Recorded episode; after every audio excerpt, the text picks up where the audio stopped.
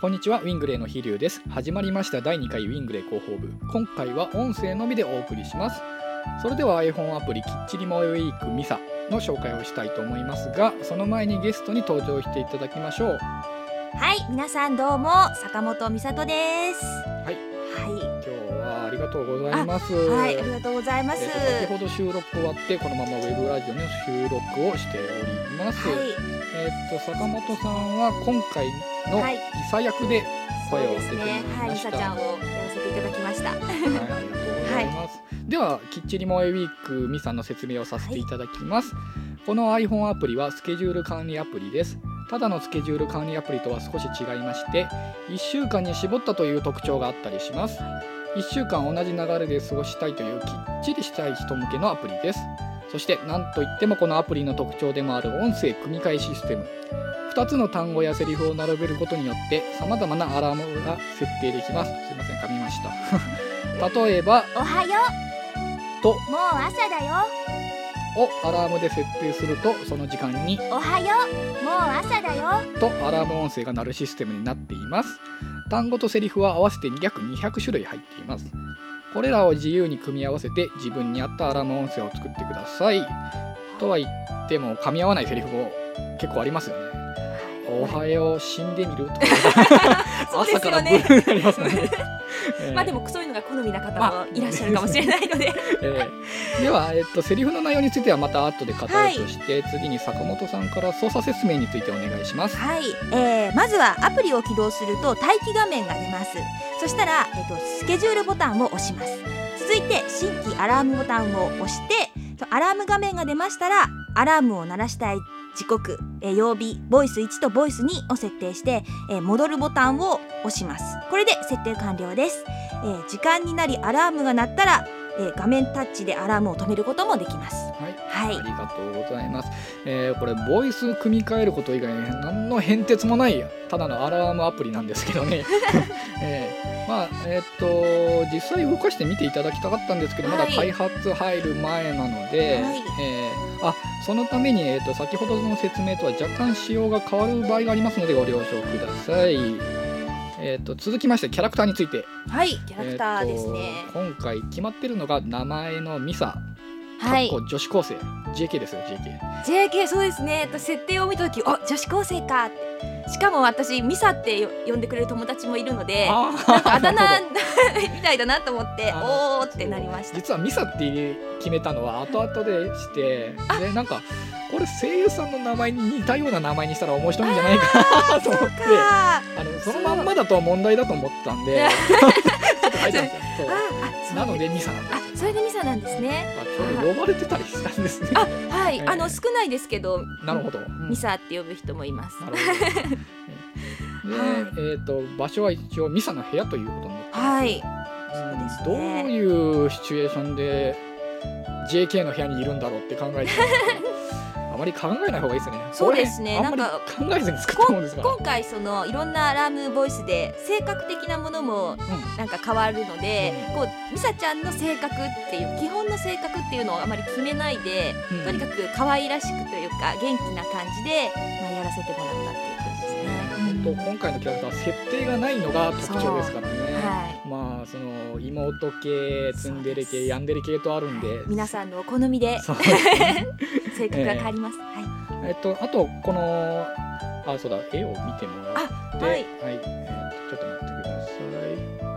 はこのえ今あのウェブラジオをご覧の方は見えてると思うんですけど、このミサの部屋でミサが立ってるというい、は設定で、まあ、い、全体的にピンクな感じで可愛いですよね。えーポーズも何種類かあって表情もあったりするので、はでまあ、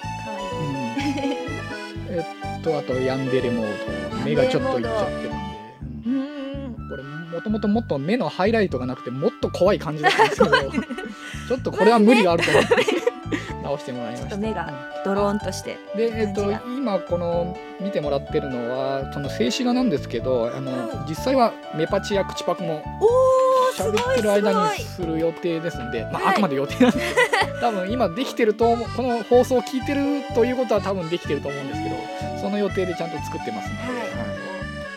お楽しみに、はい。えっと続きまして、えっとはい。坂本さんに質問なんですけど、はい。今回短いセリフや変な単語ばっかりだったんですけど いかがでしたか？収録中。そうですね。なんかあのーこう部分的にあの一言ではなく単語っていう意味だったので、こうそれを組み合わすって考えるとどういう感情でその言葉を言っていいんだろうみたいな感じで、まあ、悩みましたけど、まあ、ミサちゃんという、まあ、人でやれるので、はいまあ、すごく楽しかったですね。うん、もう組み合わせてもらうのが楽しみです。みんなに。あーですはい。まして、はい。収録した時の何かセリフの内容についてこれは面白いなというのがありました。あーちょっと気になって。あーなんかカリノっていうのがあって アラームでカリノとかこれは、まあ何時間だよと合わすの？みたいな。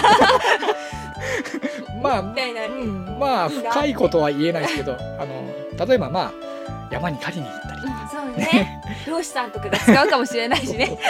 そんな感じそう。私も使うかもしれないし。ですねもう自分も多分12月入ったら使うかなああ中華私も使うかなみたいな、ね。まあ、あと他にもあの潜入も潜入する。もうちょっとねあのまあ何かといえば段ボールに潜入するかもしれないな。はい あんまり深くは言え言えないんですけど まあそんな感じですそんなねね、ちょっと不思議な組み合わせも自分にとっての意味がありますからね。そう まあセリフまあいろいろ今回あるんですけど、うんはい、なんだろう皆さんにちゃんと使えるボイスがあったかどうかっていうのはちょっと心配なところもあるんですよね。ちょっと自分が使ってみたいなというのとちょっと人に聞いて、ね、こういうのが欲しいっていうのを要望でまとめてみたんですけど、あのーまあもし何か欲しい場合は後でまたツイッター等で連絡いただければもしかしたら採用されるかもしれないんで。ええ。まあ妹系ツンデレ系ヤンデレはちょっと少なかったんでここら辺助けてもらいたいですね。ちょちょっと愛が足りないんで。かもしれないですよ。えーじゃあ次に何か気に入った組み合わせは？気に入った組み合わせ、これねボイス1と2が組み合わさるやつだから。ね私すごい気に入ったのが、うん。靴下は履いたっていうのが 聞くかいそんなことって思いながらあのだからこれに「早く早く」とかつけて「早く早く靴下履いた」とか言ってなんかこう朝の時間にこう「早くしろよもう時間ないぞ」みたいな時にこうあるとちょっとクスッとこうあ心が温まるかなと思った これなんで入れたんかなと。でもね靴下履き忘れる人もいるかもしれない。その人のための。うんなるほど。どんな忘れ方、うん。あれですよ。あのきっとたまに履かない人いるじゃないですか、うんうんね。ね、だからそういう人のために奥さんがこっそり入れといて。入れといて入れといて。奥さんが設定する。そう奥さんが設定して。で旦那さんが気づくと。気づくと。そうそう靴下俺履いてないみたいな。ねこれ好きです。うんありがとうございます。ゆうさんは？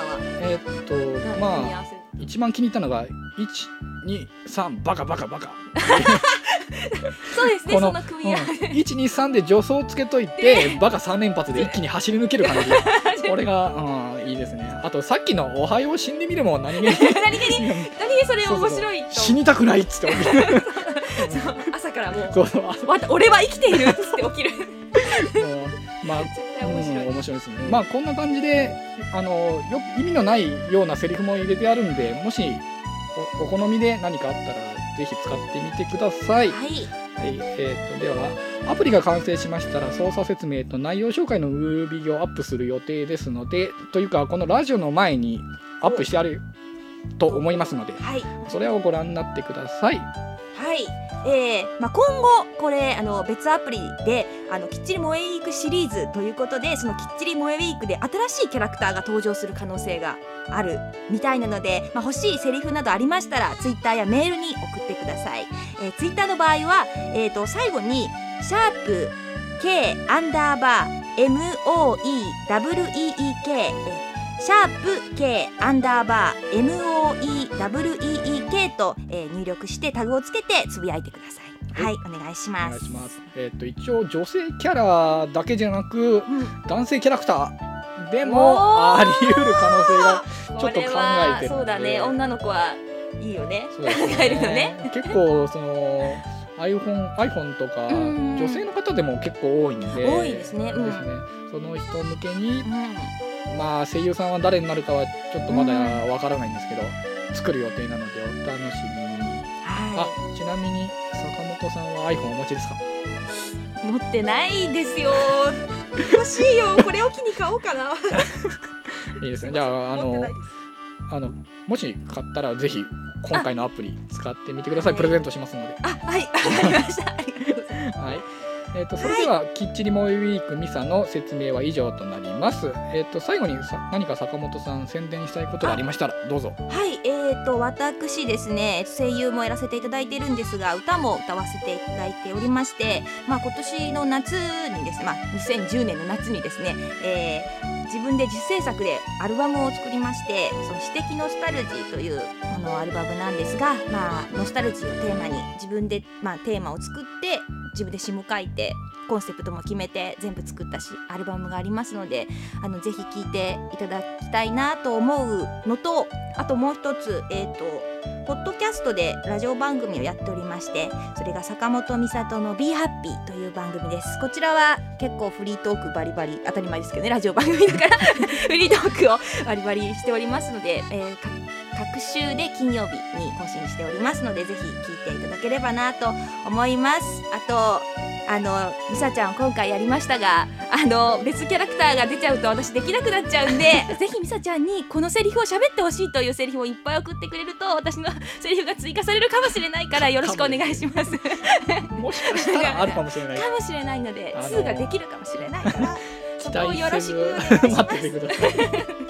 追加をちょっと考えたんですけどミね。サミサ2っていうのが出る。かもしれないすうん、まあでももしやるとしたら今回のアプリに追加かなと考えてるんですけど まあそれはぜまあひ皆様の応援で。そうそうですね。応援次第ですね。はい本当によろしくお願いします。お願いします。はい。はい。それでは第2回ウィンブレイ候補を終了したいと思います。